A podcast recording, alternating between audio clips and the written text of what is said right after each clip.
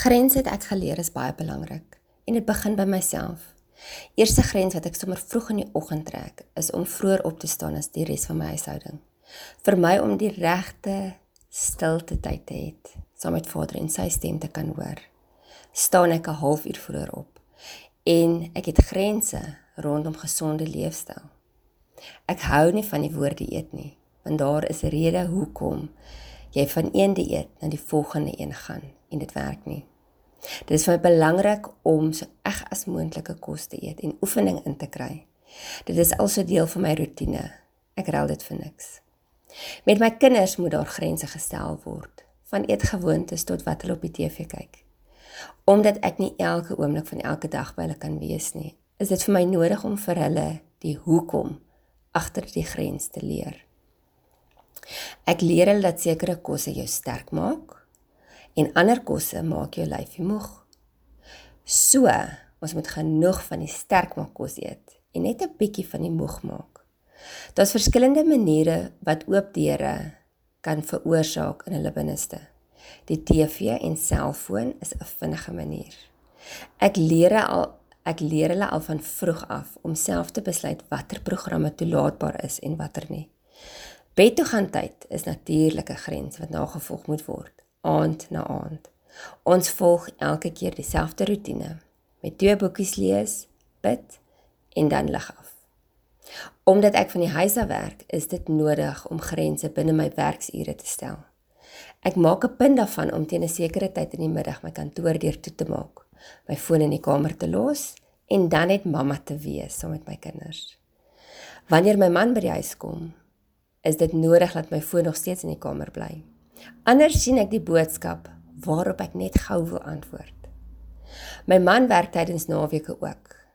Vir ons om nog steeds gesindheid in te kry, moet ons soms geen reëlings tref oor die naweek nie, sodat ons net kan wees by mekaar. Met sosiale media het ek grense.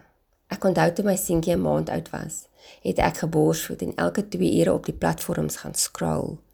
Ek kom toe af op 'n ander mamma wat se kleintjie min of meer dieselfde ouderdom is as myne. Haar post en ek glo haar bedoeling was opreg. Het gegaan oor hoe plat haar maag al is. Oh, vir my op daardie stadium wat gevoel het soos 'n melkkoe en geryk het soos 'n groentewinkel. Het dit dit my 2 dae ontstel. Totdat die Heilige Gees my gelei het om vir maande af te gaan van die platform. En tussen my en jou As dit nie was vir my besigheid nie, het ek nie weer die platforms gebruik nie. So voordat ek op enige platform gaan, bewaar ek my hart.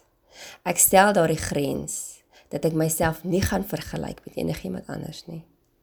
Tydens naweke vat ek ook 'n breek van sosiale media sodat ek kwaliteit tyd saam met my gesin en my mense kan spandeer. Grense met ander. My hart is om jou te help Maar ek het al geleer dat ek jou net so ver kan help soos wat jy gewillig is om te verander en aan te pas. Ek weet dat as die persoon die advies wat ek deur my konsultasies gee, gaan toepas, gaan sy verandering beleef. Maar ek kan nie 'n kruk vir iemand wees nie. Ek is hier om jou hand vas te hou, maar ek is nie om jou te dra nie. Wanneer jy besef jy's besig om iemand te dra deur die lewe, is dit nodig om daardie persoon op 'n sagte manier af te skuif. Geen persoon kan verantwoordelik gehou word vir iemand anders se geluk nie. Geluk moet gevind word binne jouself. Geestelike grense is 'n daaglikse reis om daagliks by sy voete te begin en presies te hoor wat hy vir jou sê.